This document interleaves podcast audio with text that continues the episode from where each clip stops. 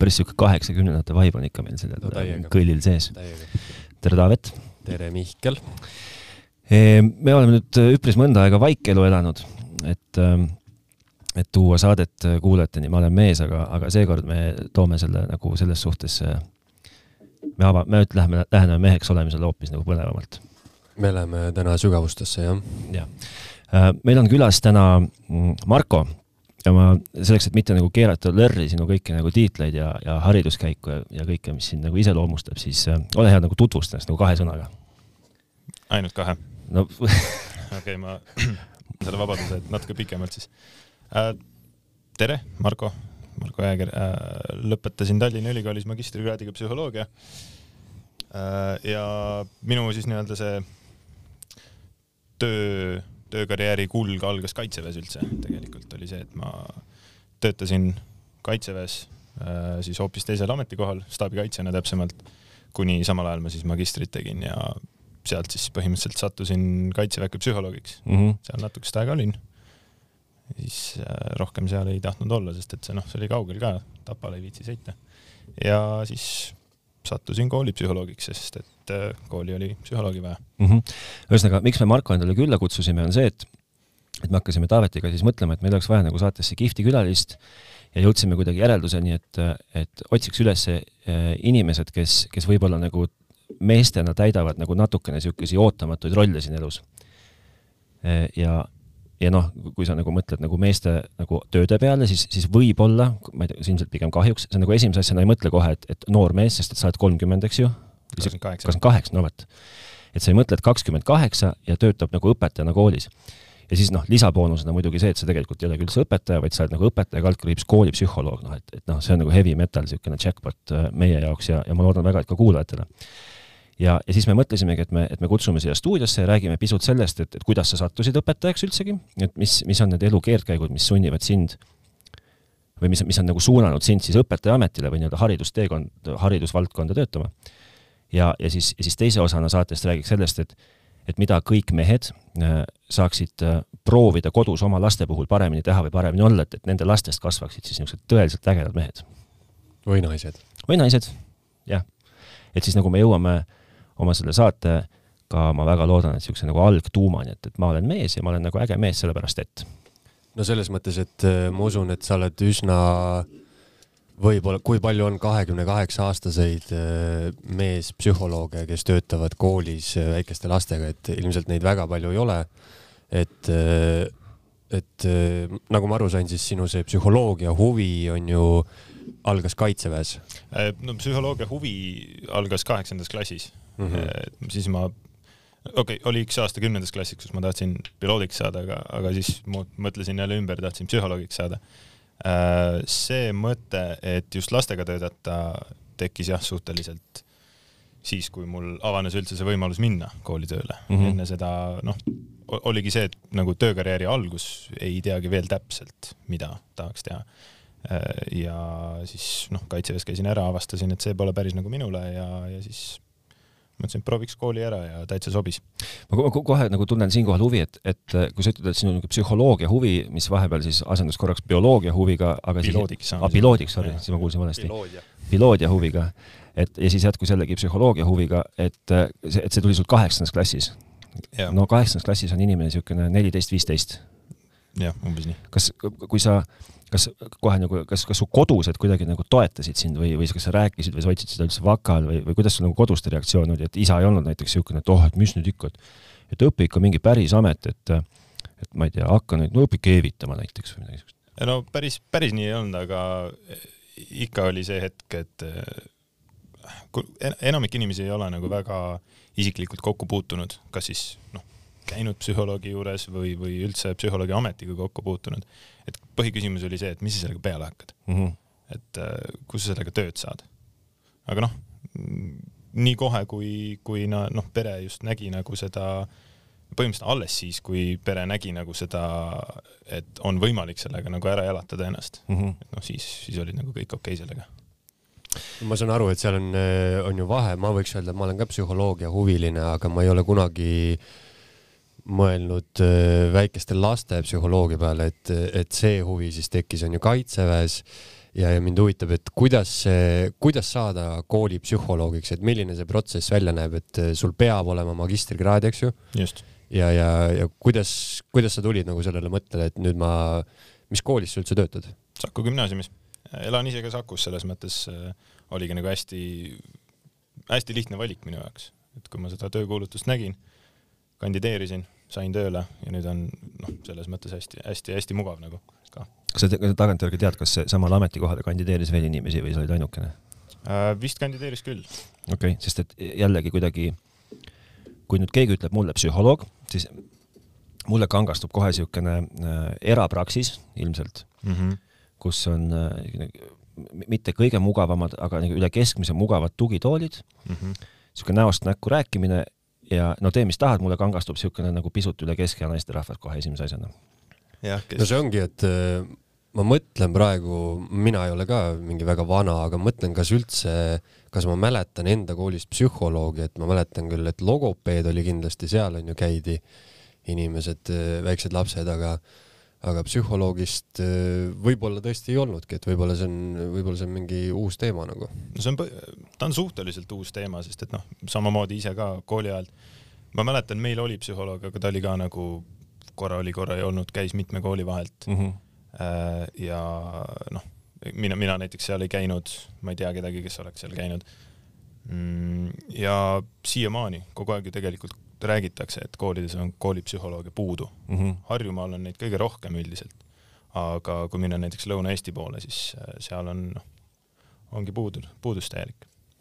seda teemat väga ei kuule, mitte et mina nüüd mingi ekspert oleks, aga räägitakse hästi palju on ju koolikiusamisest, aga kooli nagu psühholoogidest äh, või noh, mina ei ole vähemalt midagi kuulnud, et äh, et äh, mis sina sellest teemast arvad, kas kiusamise vastu saab koolipsühholoog aidata? kindlasti, kindlasti saab. Äh, kui me räägime koolikiusamisest, siis äh, koolikiusamise vastu ainult psühholoog ei tee ära midagi. selle jaoks on vaja tervet kooli kogukonda. kui on ainult psühholoog, kes rassib selle eest, et keegi nagu teistele liiga ei teeks siis äh, noh, põleb läbi päris kiiresti, on vaja õpetajad, lapsevanemad, äh, klassikaaslased, kõik on vaja sellesse kaasata et.... no ja millalgi vist tegi kogu selle töö tegi ära klassijuhataja onju mm -hmm.. klassijuhatajal on võib-olla isegi kõige suurem roll, sest mm -hmm. tema näeb, eriti väiksemates klassides, tema näeb neid lapsi kõige rohkem. mis see tavaline, kuidas sinu tavaline päev välja näeb? tulen hommikul tööle. Põhimõtteliselt on äh, plaan on paigas, üldiselt äh, nii-öelda korralised vastuvõtud on paigas. mis, mis tähendab korraline vastuvõtt, et kas ongi koolis käivad lapsed, kes äh, näiteks käivad iga nädal sinu juures või? just, jah mm. -hmm. kes käivad iga nädal, näiteks paneme plaani paika, et noh, nüüd käid viis nädalat iga nädal minu juures. mingi kindel mure, mis on vaja lahendada viie nädala pärast vaatame, kas see mure on lahenenud või mitte. kui ei ole, siis jätkame. aga kes äh, suunab, kes suunab ja kes määrab, kas see on klassijuhataja, kas laps ise tuleb? või, või kui ütleme siis, et hakkame siis nagu pigem nagu sinna pihta, sellest pihta, et et kui sa räägid, et kogu see eh, kogu see nii-öelda kooli kiusamise, siis ma, ega ma olen täiesti veendunud, et see kooli kiusamine on ainult üks osa sellest, millega sa tegelema pead, et ega, ega laste, ja sellest me räägime hiljem veel, et mis on nagu laste nagu päris mured või nagu lisaks kooli kiusamisele mured. et et äh, kui nagu teadlikud üldse nagu lapsed ise nagu sinust on nagu koolis, et, et kas nad, kas nad teavad, kas sa oled nende jaoks nagu usaldusisik, kas nad tulevad su juurde hea meelega, kes neid suunab, kas, kas äh, ühe klassi poiss ütleb, äh, tuleb sinu juurde, ütleb, et kuule, meie klassis on üks tüdruk, kes vajaks kuidagi tähelepanu, et palun räägi temaga või noh, kuidas see kõik nagu välja näeb üldse? väiksemate lastega nad ise ei tule üldiselt mm. -hmm. No, väiksemate all sa pead silmas siis? Esimene, teine, kolmas, isegi neljas, mhm. viiendas mm -hmm. juba noh, niimoodi mõned otsivad ise abi äh,. aga kes suunavad? kõik, kes nende ümber on, lapsevanemad äh, väga tihti kirjutavad mulle äh,. aga kas nad räägivad, kas lapsevanemad kirjutavad nagu oma lapse kontekstis või nad, või nad suunavad kuidagi nii-öelda anonüümselt mingi kolmanda lapsega? ei, ma mõtlen, kas nad noh, et sa ütled, et kui mina lapsevanemana kirjutan sulle, kas siis, kas ma kirjutan sulle oma lapse kohta mm, -hmm. et tal on mure või ma kirjutan, et, et minu lapse klassis on keegi, kellel on mure?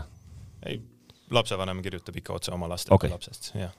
et see, see äh,, kui sa, kui sa küsisid seda, et äh, kui palju ma nagu teatav olen nendele mm -hmm. lastele endile, siis ma ise teadlikult olen üritanud hoida ennast nagu pildil mm. -hmm. iga, iga esimene klass näiteks, kes septembrist kooli tuleb, käime läbi koos teiste tugimeeskonna liikmetega, tutvustame ennast mm -hmm. ja, ja kohe otse ütlemegi välja, et kui mõni mure on, me oleme alati olemas. Et seda stigmat nagu vältida mm. -hmm. suurtemates klassides, noh, ütleme siin gümnaasium näiteks onju, nemad on juba nagu sellises koolikeskkonnas veel üles kasvanud, kus koolipsühholoog, üldse tugimeeskond ei olnud nagu nii äh,, nii pildis mm. -hmm. ja, ja on näha, et neil on see näiteks psühholoogi juures käimine mitte kõigil, aga, aga paljudel niisugune noh, nad üritavad varjata seda, et, et see on nagu mingi häbiasi, et ma pean käima. Seda ma üritangi nagu väikestel lastel just äh, ära kaotada, et neil ei tekiks seda asja üldse. sa ütled ühes lauses kolm korda sõna tugimeeskond, et, et kes see tugimeeskond siis on või kes seal veel on? Äh, meil koolis on kaks psühholoogi, kaks eripedagoogi, logopeed, äh, tugimeeskonna juht, äh, sotsiaalpedagoogid, kolm tükki. Teil on kuidagi jällegi teadmata asjast nagu mitte midagi, tundub, et teil on seal siis akus kuidagi nagu väga hästi asjad. ja, ja üheksa tugimeeskonna liiget on jah, on et, väga teil hästi. teil on üheksa tugimeeskonna liiget ühe kooli peale mm, -hmm. samas kui ülejäänud Eestis on üks tugimeeskonna liige üheksa kooli peale. just, see sihuke koosseis saigi valmis meil selle aasta alguses, ehk siis alates sellest aastast. aga kas see on siis nagu, ma ei tea, mingi direktori initsiatiiv või kelle initsiatiiv see on, et niisugust nagu komplekteerida sellist löögirusikat äh,? tugimeeskonna juht põhimõtteliselt okay. taotles seda. Okei okay. aga kui sa rääkisid äh, nendest stigmadest, siis äh, noh minul on ka põhimõtteliselt see stigma ikkagi veel kuskil sügaval sees, et äh, psühholoogi juures käimine näitab inimese nõrkust, eks ju, et mm. et kuidas sinu hinnangul, kas nagu koolis, noh, sa näed iga päev, töötad selles valdkonnas, et, et kas need, kas selline stereotüüpne arusaam nagu, kas see hakkab kuidagi ära kaduma või, või on ikkagi veel see sees?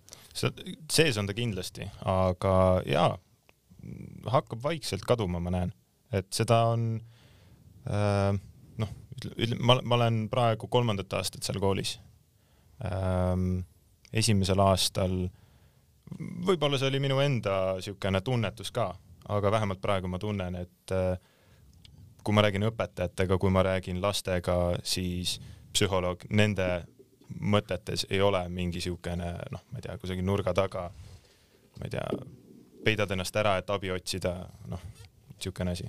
et aina rohkem ja rohkem tuleb ta nagu päevavalgele mm -hmm. avalikkuse ette nii-öelda siis ja see ei ole nagu häbiasi, mida tunnistada, et jah, ma käin psühholoogi juures. kui ma enda peale mõtlen, siis eh, noh, ma olen ka ilmselt jah, selline jäärapäine mõtleja, et mul on ka ikkagi äh, ütleme, selline arusaam sees, et eh, noh, kui mina läheks enda mingi probleemiga psühholoogi juurde ja siis, kui ma jõuan psühholoogi juurde ja see psühholoog on eh, neljakümne viie aastane ülekaaluline tädike onju, siis noh, juba, juba selle põhjal mul on väga raske nii-öelda tõsiselt võtta teda, sest eh, sellel inimesel on täiesti teistsugune elukogemus kui minul. Et, et kuidas, mis sinu arvates nagu teeb, sa, sa oled ise näiteks hästi noor, eks ju.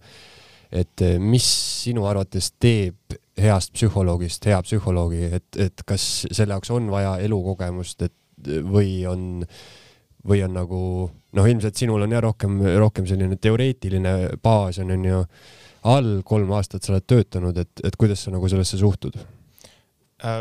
no ütleme nii, et psühholoog on ka inimene ja kõik ei pruugigi omavahel klappida, seda me ju tegelikult psühholoogia valdkonnas ka rõhutame, et äh, kui ei sobi üks psühholoog või üks noh, tugiisik, kelle poole sa pöördud, kui tema ei sobi, alati on võimalik äh, leida keegi teine.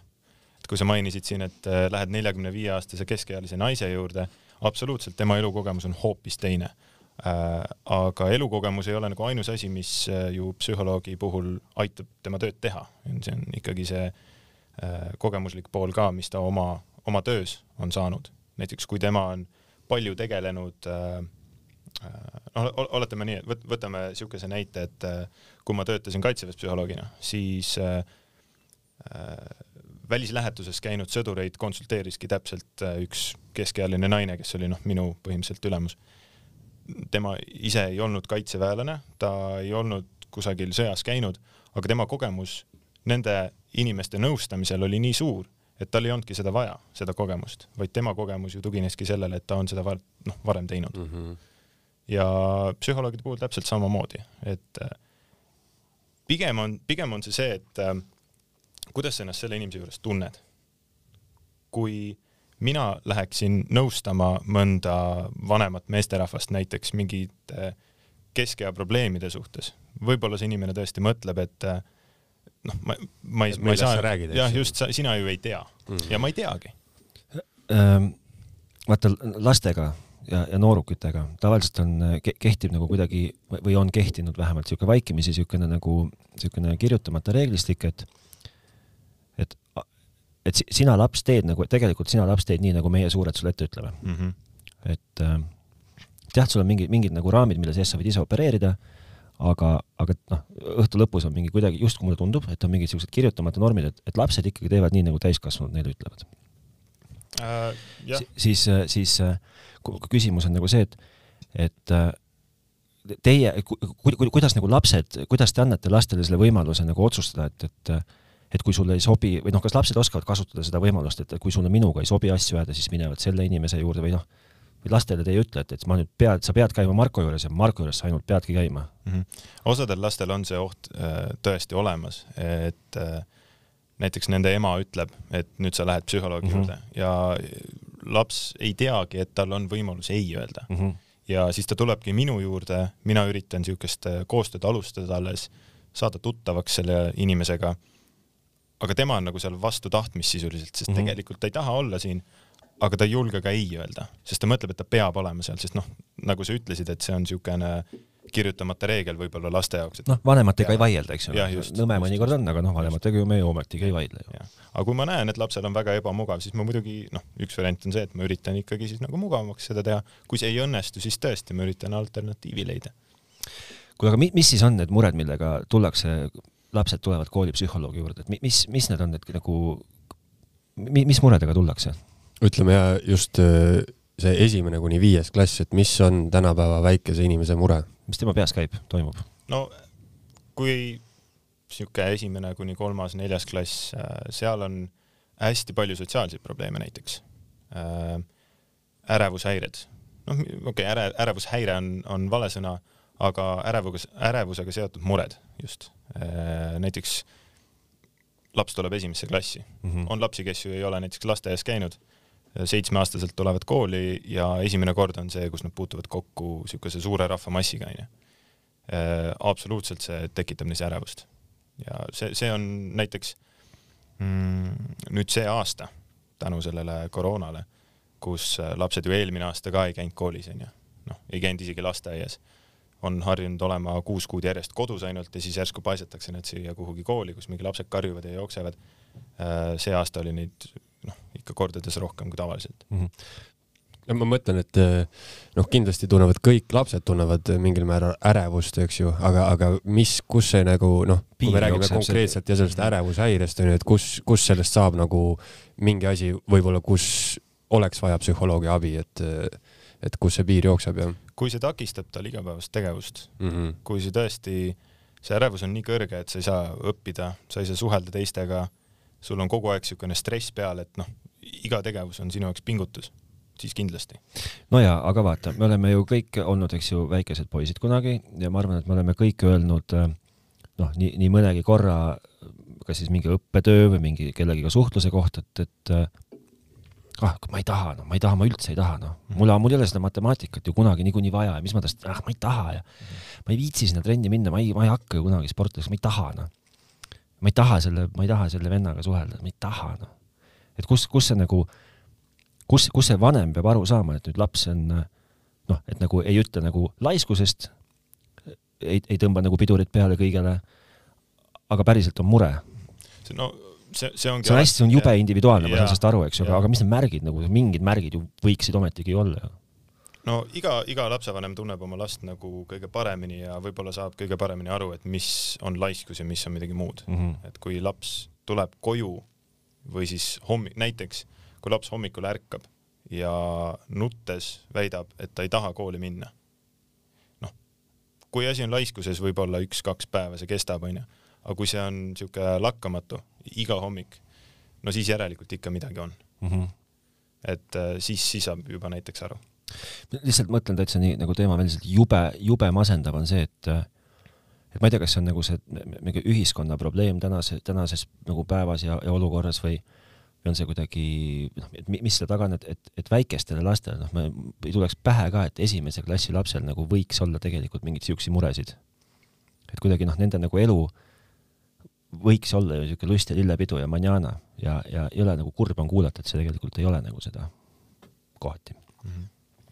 Absoluutselt ei ole äh, kui me näiteks räägime siin rohkem kliinilises kontekstis, noh, depressioon ei ole täiskasvanute haigus ainult ega ka teismeealiste haigus mm. -hmm. depressioon esineb ka väikelastel. Äh, ja raskeks teebki selle äratundmise see, et noh, see on ju laps, ta küll läheb mööda, onju, vahest ei lähe mööda. on suur erinevus sellel, kas laps on lihtsalt kurb ja on, tal on halb päev olnud või, või siis see on nagu püsiv ja, ja takistab tal nagu oma elu normaalselt elada mm. -hmm. Me räägime Ütleme... isegi siin seitsmeaastastest ja et eh, noh, põhiline selline indikaator on siis, et ikkagi kui nagu pikaajaliselt on mingi sihuke mm -hmm. ütleme probleem on ju püsib, aga sinu töös eh, ärevushäire, depressioon, et kas sa tõesti paned siis eh, mingil hetkel paned lastele nagu diagnoosi või? ei, mina ei diagnoosi, diagnoosib psühhiaater või siis kliiniline psühholoog, kellel on no, vastav haridus. mina võin, mina võin ära tunda need ilmingud aga et noh, tõesti meditsiinilist diagnoosi panna, selleks on siis üldiselt psühhiaatrit vaja, aga seda me ka siis teeme, me suuname edasi. kas ütleme, esimese klassi lapse depressioon on kuidagi teistmoodi kui täiskasvanud inimese depressioon? no depressioon on üldiselt üldse niisugune väga-väga mitmenäoline ähm,. väikese lapse depressioon võib olla, kuidas öelda, ta on, ta on samamoodi raskesti äratuntav sest noh, kui me räägime depressioonis olevat, olevast inimesest, see ei pruugi alati see inimene olla, kes käib kogu aeg mossis näoga ringi. depressioon võib peituda igasuguse naeratuse taga, onju, noh, me ei tea, mis inimese mõtetes toimub. Äh, et, et selles mõttes ta nagu väga-väga palju täiskasvanu omast ei erine. et noh, mingid erinevused kindlasti, aga, aga üldiselt ja ikkagi väga-väga keeruline on üldse niisama pealt vaadates ära tunda, et see inimene on depressioonis mm. -hmm. kui me räägime nüüd öö, öö, ka laste, noh, meil on meeste saade, eks ju, et, et kuidas sinu kogemus näitab, kas sinu juures käivad rohkem tüdrukud või poisid? pigem poisid. pigem poisid? jah, pigem. kas sa ma... saaksid arvata, et tüdrukud? ma oleks arvanud, et tüdrukud, jah. millegipärast. Ma... ilmselt jälle mingi stereotüüpne asi mu peas. kui ma mõtlen kuidagi, ma, ma mm, mitte oma laste kontekstis siis, sellepärast et ma ei, ähm, kuidagi ei julge nende, nende konkreetselt kontekstis mõelda, aga mulle tundub, et et äh, poisid on kuidagi mingi vanuseni nagu pehmemad või kuidagi siukse nagu võib, võib see nii olla või? et nagu tüdrukud on siuksed nagu veits nagu siuksed nagu tough imad mm,. poisid on nii kaua pehmed, kuni neile lubatakse olla pehmed okay.. mingi hetk ju tuleb see hetk, et noh. mees ei nuta. mees ei nuta jah, põhimõtteliselt et äh, tüdrukutel nagu seda otseselt ju ei ole mm. -hmm. aga noh, ütleme siuke esimene klass, teine klass veel üldiselt lastakse olla poistel. aga siis järsku kusagilt tuleb see mõte inimestel või noh, lastevanematel või kellelgi õpetajatel, et et noh, sa oled juba suur, suur poiss onju, et äh, ära nuta ja noh, et, et kusagilt sealt see algab. ja siis läheb nagu asi nagu eriti radikaalselt nagu siis, siis jah, jah, kui sa, kui sa ütled lapsele, et sa ei tohi nutta mm. -hmm. nutmine on ju eneseväljendusviis, noh, see on emotsiooni väljendamine. kui sa sellel kraanid kinni paned, siis laps ei tea ju, mida teha, sa ütled talle, mida sa ei tohi teha, sa ei ütle talle, mida sa võid teha.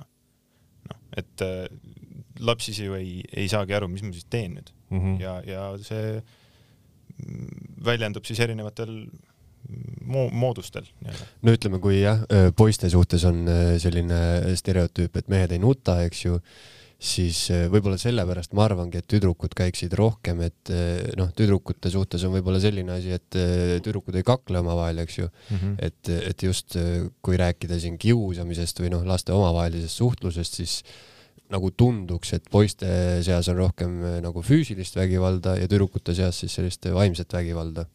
sellepärast mulle tundub, et, et käiksid tüdrukud, aga noh, ei käi. see vaimne vägivald äh, tüdrukute seas tekib niisugune teismeeas mm.. noh, seal igasugused äh, nüüd, nüüd ju see vägivald on kolinud koolist välja ka igasugust telefonidesse näiteks onju. Mm -hmm. et aga poistel jah, nagu sa ütlesid, see füüsiline vägivald tegelikult on äh, väikeklassides äh, üks põhilisemaid asju, et pekstakse ja, ja, ja siis satub sotsiaalpedagoogi juurde ja siis lõpuks satub minu juurde, kui noh, et, et jah, poistel on füüsiline osa nagu ikkagi tugevam okay.. ja sinu juurde satub siis selliseid poisse, kes on äh, nagu mõlemalt poolt, et kes on need peksjad ja kes saavad peksa? jaa, ikka mõlemad mm. -hmm. mõlemaga tuleb tegeleda, sest äh, üks on kannatada saanud, teine on kannatust tekitanud, ma üritan seda nagu vältida, et see tulevikus äh, veel juhtuks. okei okay,, nii, no ärevushäired, eks ju, kust me sujuvalt liikusime edasi äh, nagu füüsilise nagu vägivalla peale, mis, mis muredega veel tullakse sinu jutule ähm,? kodused mured.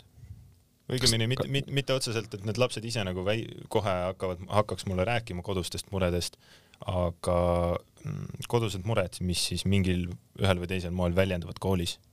no too, too mingisugune hästi umbisikuline näide ähm,. mis ma nüüd mõtlen kasvõi see, et laps ei saa piisavalt tähelepanu kodus. okei okay no kuidas ta, kuidas ta nagu sulle, sellest sulle teada annab või sa saad sellest ise aru, teed sellest, selle järelduse? no ta ei ütle sulle seda ise, sa saad, pigem saad ise aru äh,. selle arusaamiseks ongi pikk protsess, sa pead enne tundma õppima seda last, sa pead tundma õppima tema perekonda äh,, milline see pere on äh,. noh, kui sul nagu tekib see kahtlus, siis, siis sa võid nagu hakata süvitsi uurima seda, sest et kui laps käitub koolis ühte või teistmoodi, siis sa saad aru, et millest see võib olla siin tuleb mängu jälle see kogemus, mis ma enne rääkisin, et sa no lõpuks ju tunned need mustrid ära. aga kui, kui laps tõesti koolis otsib tähelepanu ühel või teisel moel, sest et äh, halb tähelepanu on ju ka halb tähelepanu, kui õpetaja kogu aeg riidleb, vähemalt ta saab mingit kontakti kellegagi. ja üks variantidest ongi see, et ta siis koolis otsib seda, mida ta kodus ei saa oled sa märganud ka just koduste probleemide puhul mingisugust äh, peremustrit, et näiteks kas üksikvanematega lapsed on probleemsemad, äh, kas hästi edukate vanemate lapsed on probleemsed? Äh? midagi taolist jah, et, et mis need peremustrid võivad olla äh,? ei saa väga öelda, et need mustrid väga siukesed oleks äh,. mõni üksikvanem on ju noh, teeb töö kahe inimese eest ära ja on, on nagu supertubli. mõnel lapsel kellel pere, noh, ma ei tea, isa, isa ei ole näiteks kodus väga palju, noh, seal on jälle omad mured, onju. aga et niisugust jah, mustrit, et milline on üksikvanema laps või milline on lahus pere laps või noh, sihuke päris, päris niisugust asja ei ole. et probleeme esineb nagu paraku siis kõigil ja, ja olenemata ilmselt siis sotsiaalsest klassist ja, ja kõigest muust, eks ju. jah. sest noh, vahet ei ole, kas äh, lahutatud vanematega laps on vaesest perest või rikkast perest mm, -hmm. see mure on ikka olemas, et mu vanemad on lahutatud mm. -hmm. kui ma täitsa suskan siia vahele siukese, siuke küsimuse, mis võib-olla natukene nagu ärritab võib-olla pisut. kas vaata noh, ikka jällegi äh, laps teeb midagi, ütleme siukest noh, selle tähelepanu vajaduse tõttu, eks ju, noh, mingi enamasti see kuidagi, kui laps midagi positiivset, jällegi mulle tundub, ma ei ole kaugeltki spetsialist, et et eriti jääb see tähelepanu vajadus äh, nagu saab lapse puhul äh, nagu rahuldatud siis, kui ta teeb mingi sigadusega, saab mm -hmm. hakkama, noh siis nagu pannakse eriti tähele, siis ta saab oma tähelepanu. ja siis sa ütled, et noh, et see on küll ikka üks nagu paha poiss oled mm. -hmm. kas siukse asja nagu halba, et kas halvad lapsed üldse on olemas? mulle meeldib siuke hästi hea lause, et ei ole halb laps, vaid on halb tegu mm. -hmm. et äh, noh, laps on laps, laps teeb seda, mida laps teeb, aga tegu on halb ja pigem ma eelistaks seda, kui ei öeldaks nagu halb laps, aga et niimoodi teha oli halb mm. -hmm. see, mis sa tegid praegu, ei olnud okei okay.. noh, jah, kiputakse tõesti ütlema, et sa, küll sa oled üks, ma ei tea, see, teine ja kolmas mm, -hmm. sest sina tegid seda, onju. aga tore oleks, kui seda nagu vähem oleks. aga kas sa seda öeldes, et, et sa oled see, teine või kolmas, kas sa kas sa sellega siis nagu kuidagi lööd kohe lapse mingisugusesse niisugusesse vundamenti mingid mõrad sisse, mis kuskil aastad, aastad, aastaid hiljem võivad äh, Pigem hakata nagu välja lööma või? Äh, pigem see sildistab last ja kui tulevikus noh, mul, mul paar näidet nagu hüppab kohe pähe, siuksed äh, konkreetsed õpilased, äh, kellele nagu esimesest klassist alates on neid silte kogu aeg peale lükatud. ja mingi hetk ta ju siis omistabki need mm. -hmm. Ma olengi siis siukene, kõik ütlevad, ma olen järelikult, ma olengi üks, ma ei tea, paha laps, onju. Mhm. aga kui sa esimesest klassist alates ütleks talle, et see tegu on halb, siis ta võib-olla ei võtaks seda silti nii palju omaks ja ta ei tunneks seda survet, et kui kõik arvavad, et ma sihuke olen, no eks ma siis käitungi nii mm. -hmm. sest keegi teine midagi muud mult ju ei oota. ütleme, kui, kui me räägime nagu poistest ja tüdrukutest, et noh, selline ma ei tea, teismeiga nagu hakkab eriti onju lahku lööma äh, neid inimesi, aga, aga kui sa töötad lastega, et kas siis on ka märgata poiste ja tüdrukute nagu erinevad probleem, on neil erinevad mured?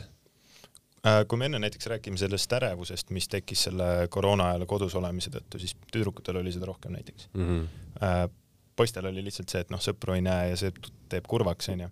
aga kui nad siis nüüd nagu kooli tulid, siis see kadus ära ähm, muidu väikestel, väikestes klassides poiste-tüdrukute erinevusi, eks ikka on äh,. enne mainisime siin omavahel tülitsemist, noh, poisid kaklevad omavahel ju palju-palju rohkem äh, väikestes klassides eriti onju, just see füüsiline pool mm,. see on üks erinevus, tüdrukutel äh,, tüdrukutel on näiteks pigem sihuke jah, pigem nagu sihuke sisemine äh,. kui me räägime näiteks õppimisega seotud muredest äh,, niisugune täiuslikkusele suunatud, vaata mõni laps ju paneb endale hästi suure surve juba alguses esimeses klassis õppida ülitublisti onju, et noh, poisse on ka siukeseid, aga ma olen näinud tüdrukuid, kes võtavad seda nagu eriti omaks. noh, mõtle su, su laps läheb kooli näiteks onju, esimene klass, mõtled, et ikka öeldakse talle, et noh, nüüd sa hakkad hästi õppima ja saad viisi onju, mõni laps ju siis võtabki selle nii hinge, et kui ma nüüd viisi ei saa, siis ma kuidagi valmistan pettumust oma vanematele.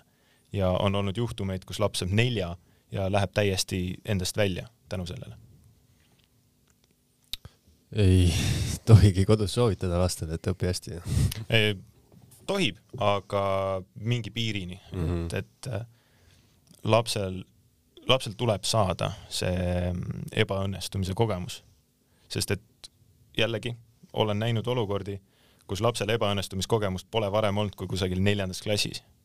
Ja see võib valus kukkumine olla. see on, see on väga valus kukkumine ja noh, siis lapsevanemad on muidugi mures, et mis ma teen niisuguses olukorras onju. aga tegelikult äh, ma ütleks, et õige vastus ongi see, et lase tal see asi läbi kogeda, ole talle toeks mm. -hmm.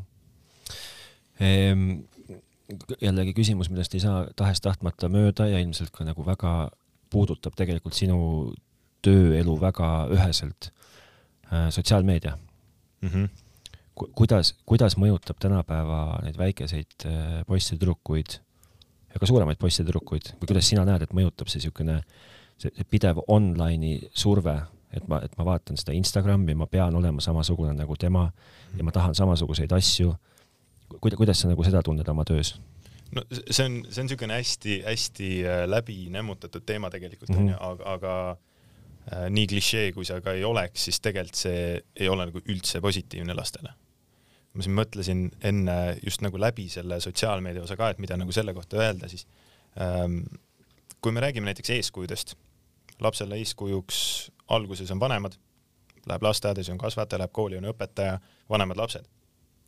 nii see on olnud ju tegelikult noh, aegade algusest põhimõtteliselt mm. -hmm. aga nüüd on see olukord, kus on juurde tulnud kui, kui laps vaatab Youtube'i, tal on Instagram, tal on see TikTok onju, seal järsku see eeskujude arv, kellelt ta saaks õppust võtta, see nagu plahvatab, onju. laps on jälle segaduses, et noh, mis, mis see õige on, et vanemad mul ütlevad ühte asja, aga mi, nagu inimene, keda ma hullult fännan, ütleb teist, ma ei tea, kusagil Youtube'i videos paneb mingi auto põlema, onju, et noh, mina tahan ju selle inimese moodi olla mm. -hmm. aga, aga ometi kõik ütlevad, et see on, see on halb lapsel jälle tekib segadus.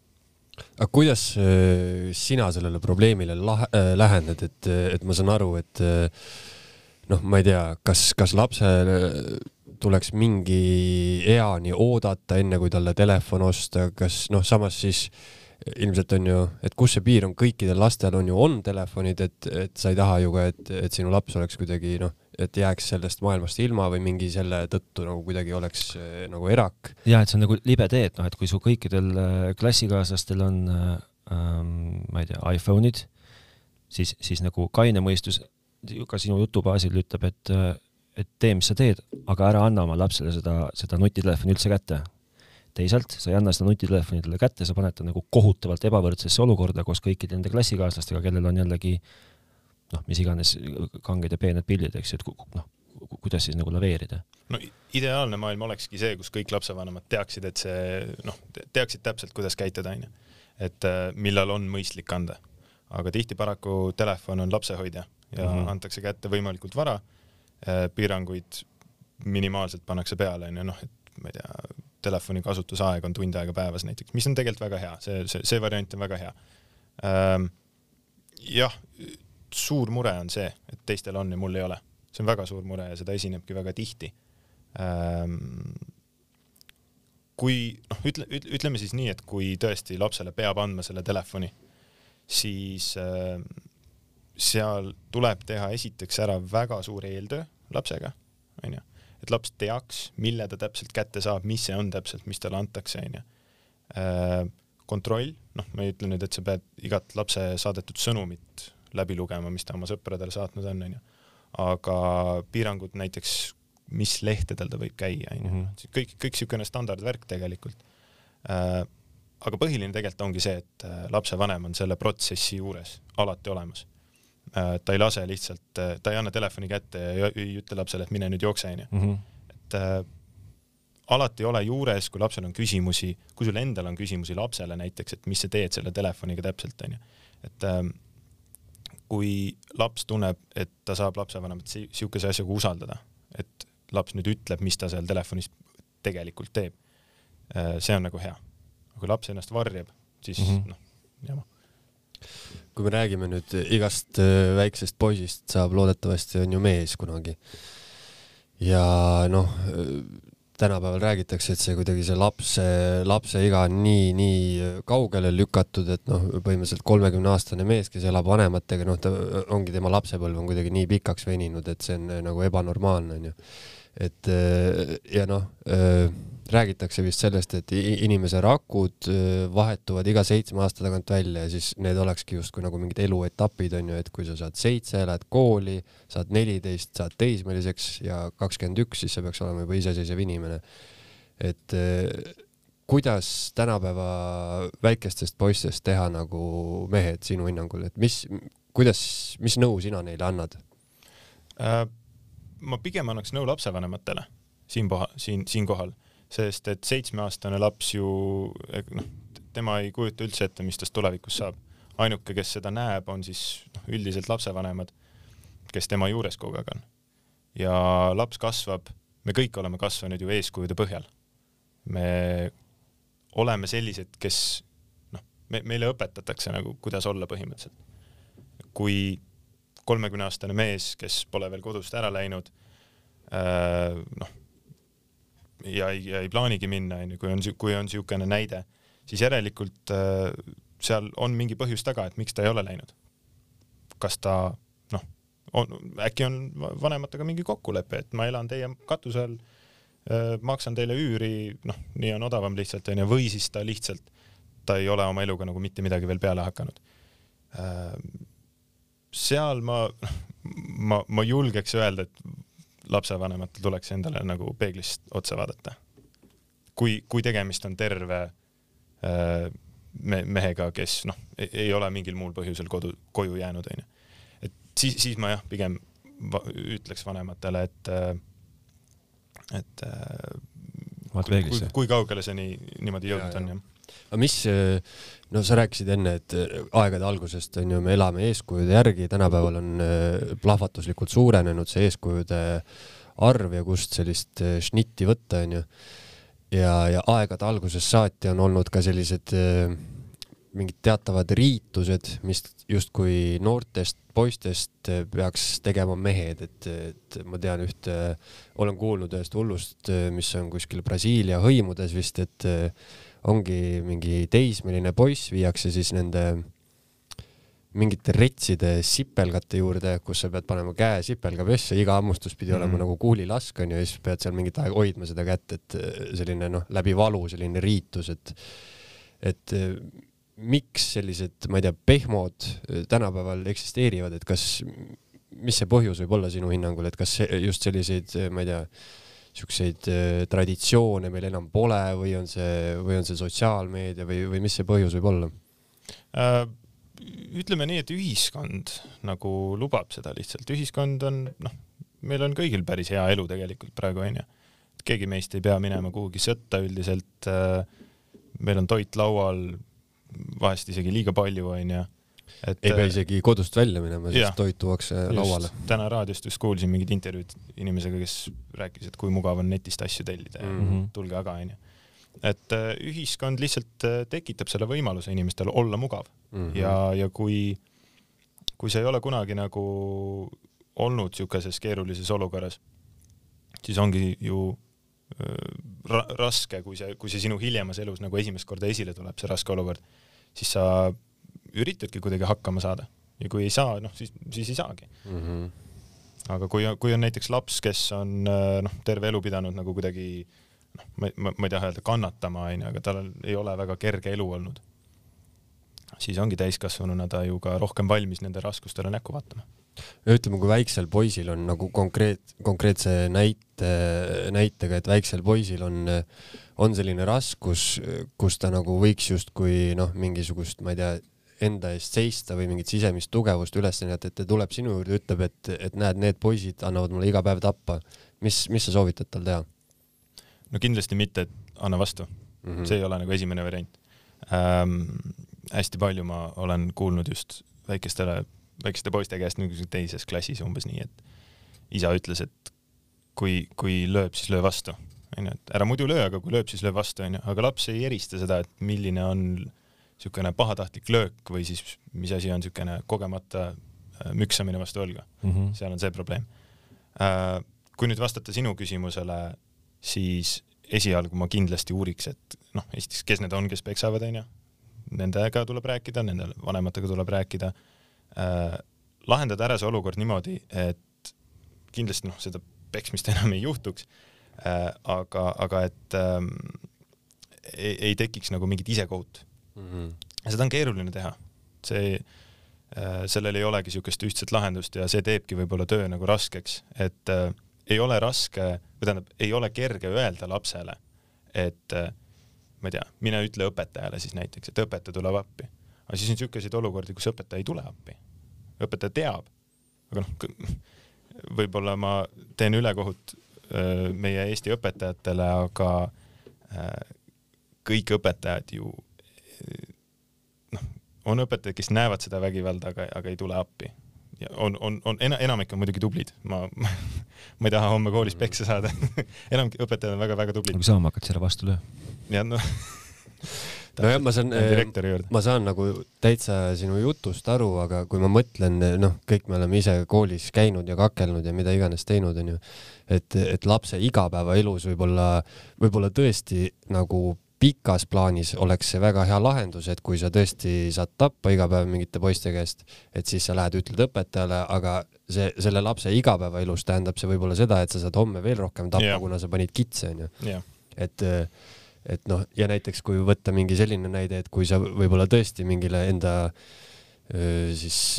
vaenlasele paned, paned korra vastu, onju, ja siis ta jätab su rahule, mis oleks justkui noh, sinu jaoks nagu igapäevaselt see lahendab selle olukorra mm, -hmm. et, et et eh, miks, miks ei tohi vastu lüüa, kas see, kas see nagu tekitab mingisuguse kas see, kas see lahend-, ja et kas see lahendus ei ole siis nagu lõplik või see ei ole selle probleemi lahendamine, kui see nagu võib-olla lapse silmis on igapäevaselt, ta võib, see teine võib-olla ei julge enam tulla ja, ja noh, tema nagu lahendas selle probleemi enda jaoks. no ja või võib-olla see ei ole eetiliselt korrektne just nagu öelda, aga tõesti, kui ma tean sada, kui ma teaksin sajaprotsendiliselt et äh, kui see laps nüüd vastu lööb, siis homme ta elu on puhas lill ülejäänud kooliaja. noh, ma ütleme nii, et mina ei lähe nagu, ei läheks vahele. Mm, -hmm. kui see tõesti nii oleks, aga tihti kipub see olema teistpidi, et mm -hmm. see, kes, see, kes lööb ja kui temale siis vastu lüüakse, ega ta siis ju tagasi ei tõmba. Ja seda ma olen, seda, seda ma olen näinud ja seetõttu, kui ma tean, et see vastulöömine ei ole nii efektiivne, kui võib-olla nagu arvatakse. Kahjuks meil aeg pressib veits peale, et me peaks otsad hakkama vaikselt kokku tõmbama otsi, aga mul oleks, kuna ikkagi jätkuvalt tegemist on meeste saatega, eh, mul oleks sulle palve, et kas sa suudaksid sõnastada näiteks kolm soovitust eh, kõikidele isadele, et eh, kuidas nemad peaksid äh, oma lastega käituma või mida nemad peaksid oma lastega ette võtma või olema või, või näitama neile, et nende lastest kasvaksid äh, olenema, noh, olenevalt siis, no räägime eks nendest väikestest lastest mm, pisematest, esimene-viies klass. et, äh, et, et nad saaksid oma tegevuste või olemiste või eeskujuga nagu mõjutada neid lapsi niimoodi, et nendest lastest kasvaksid tulevikus sellised, sellised äh, lapsevanemad, kelle lapsed enam ei peaks käima sinu vastuvõtul äh,? kõige põhilisem asi, kolm asja ma üritan siis välja mõelda, äh, kõige põhilisem, põhilisem asi, kuulake oma lapsi äh,. lapse elus on äh, kool, onju, kus ta on seal siis mingi kahekümne viie, kolmekümne õpilasega samas toas. seal ei ole õpetajal aega maha istuda alati ja, ja kuulata, et noh, räägime nüüd mitte laps õpetajaga, vaid inimene inimesega äh,. isad, kes kõik kunagi seda kuulavad, tehke seda, istuge maha lapsega, isegi kui laps on kolmeaastane, ta, ta, talle meeldib, kui keegi teda kuulab ja, ja tõesti nagu äh, tähelepanelikult kuulab, mitte et noh, ma ei tea, telekas samal ajal käib, vaid noh, niisugune sihilik lihtsalt vestlus mm, -hmm. sest tegelikult seda ma ju teengi oma tööalal, tööalaselt ka, ma kuulan lapsi. näiteks täna ma käisin, õigemini minu juures käis üks äh, neljanda klassi poiss ja, ja mis me tegime, me rääkisime lihtsalt sellest, mis teda vaevab. tema rääkis mulle, mis kodus teda vaevab ja, ja noh, kui sa mõtlema hakkad, siis ega tal mujal väga tegelikult seda võimalust ei antagi. kodus ta ju ei räägi sellest, mis nagu kodus probleemiks on, onju. Mhm. Äh, ehk siis jah, kuulake oma lapsi lihtsalt. Ähm, no see käib ja sellega kokku, et räägitakse, et, et suured mehed, suured probleemid ja, ja väiksed mm, -hmm. väiksed mehed, väiksed probleemid, aga noh, lapse jaoks ongi ju see ongi noh, see ongi tema jaoks suur probleem mm. -hmm. see ongi tema maailm, et, et ja. kui sulle tundub, et, et laps ajab mingit lapse juttu ja see on mingisugune väike mm -hmm. probleem, sest noh, võib-olla jah, kui ta on täiskasvanu, siis see tundub talle endale Just. ka nagu tühine, onju. aga, aga noh, tol hetkel on see tema jaoks ikkagi noh, mm. kõige suurem probleem. Niisugune lause nagu äh, laps räägib, kui kana pissib mm, -hmm. on ka olemas, mis on nagu noh, ehtne näide sellest, kuidas võib-olla vanasti mõeldi. et lapse jutt ei ole oluline, ei ole oluline, onju. aga nagu sa ütlesid, see lapse maailmas tegelikult, see tema mure on, on võib-olla sama suur kui meie mured, noh, mida meie tunneme igapäevaselt, onju.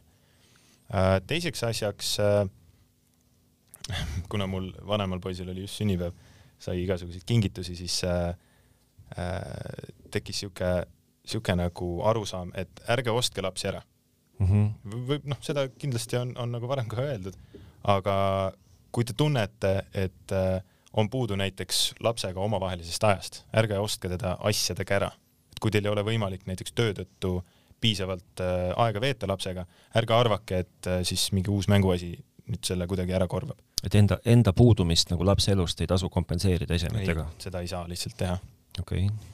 ja kolmandaks, mm, ma, ma arvan, et tulebki enda käitumist jälgida. ja mitte, et noh, laps ei tee nii, nagu talle öeldakse, vaid laps teeb nii, nagu ta näeb. Äh, ja rohkem rõhku nagu panna sellele, et äh, kuida-, kuidas ma olen oma laste ümbruses, kuidas mina käitun oma laste ümbruses, sest laps teeb täpselt samamoodi tulevikus. ta ütleb, väikesed lapsed eriti ütlevad kõik sõnade järgi, onju, olgu need siis ropud või mitte. Äh, ja, ja jah, pannagi siin nagu rõhk enda käitumisele ka. nojah, see ongi selline eeskuju, eeskujude Just. teema, millest me rääkisime, eks ju. Mihkel, võta siis äh, kokku ja ütle midagi tarka ma ütlen seda, et äh, mul jube hea meel, et sa, et sa tulid äh,. Ma lo loodan, et kuulajatel on, on, oli, oli sama põnev kuulata, et see pani neid sama palju mõtlema kui, kui mind või kui pani vähemalt pooltki sama palju mõtlema kui mind, siis ka see on juba suur asi äh,. ma loodan, et sul läheb alati elus väga hästi, ilmselgelt aga samas ma nagu loodan, et, et, et sinu juurde jõuab ainult vähem lapsi. ja, ma arvan, ma arvan, et see ongi see, et sul on läinud hästi, kui sul, kui sa, kui sinu, kui lapsi jõuab üha vähem, sellepärast et et see näitab, et te liigute ja teete õiget asja. Äh, Taavetiga oleme meie kunagi varsti jälle tagasi. Markot siis enam meie juures ei ole. tema teeb hoopis tähtsamaid asju. ja, ja seni, seniks kuniks ja siis, siis on meil juba uued, uued jutud. okei okay,, aitäh teile! aitäh!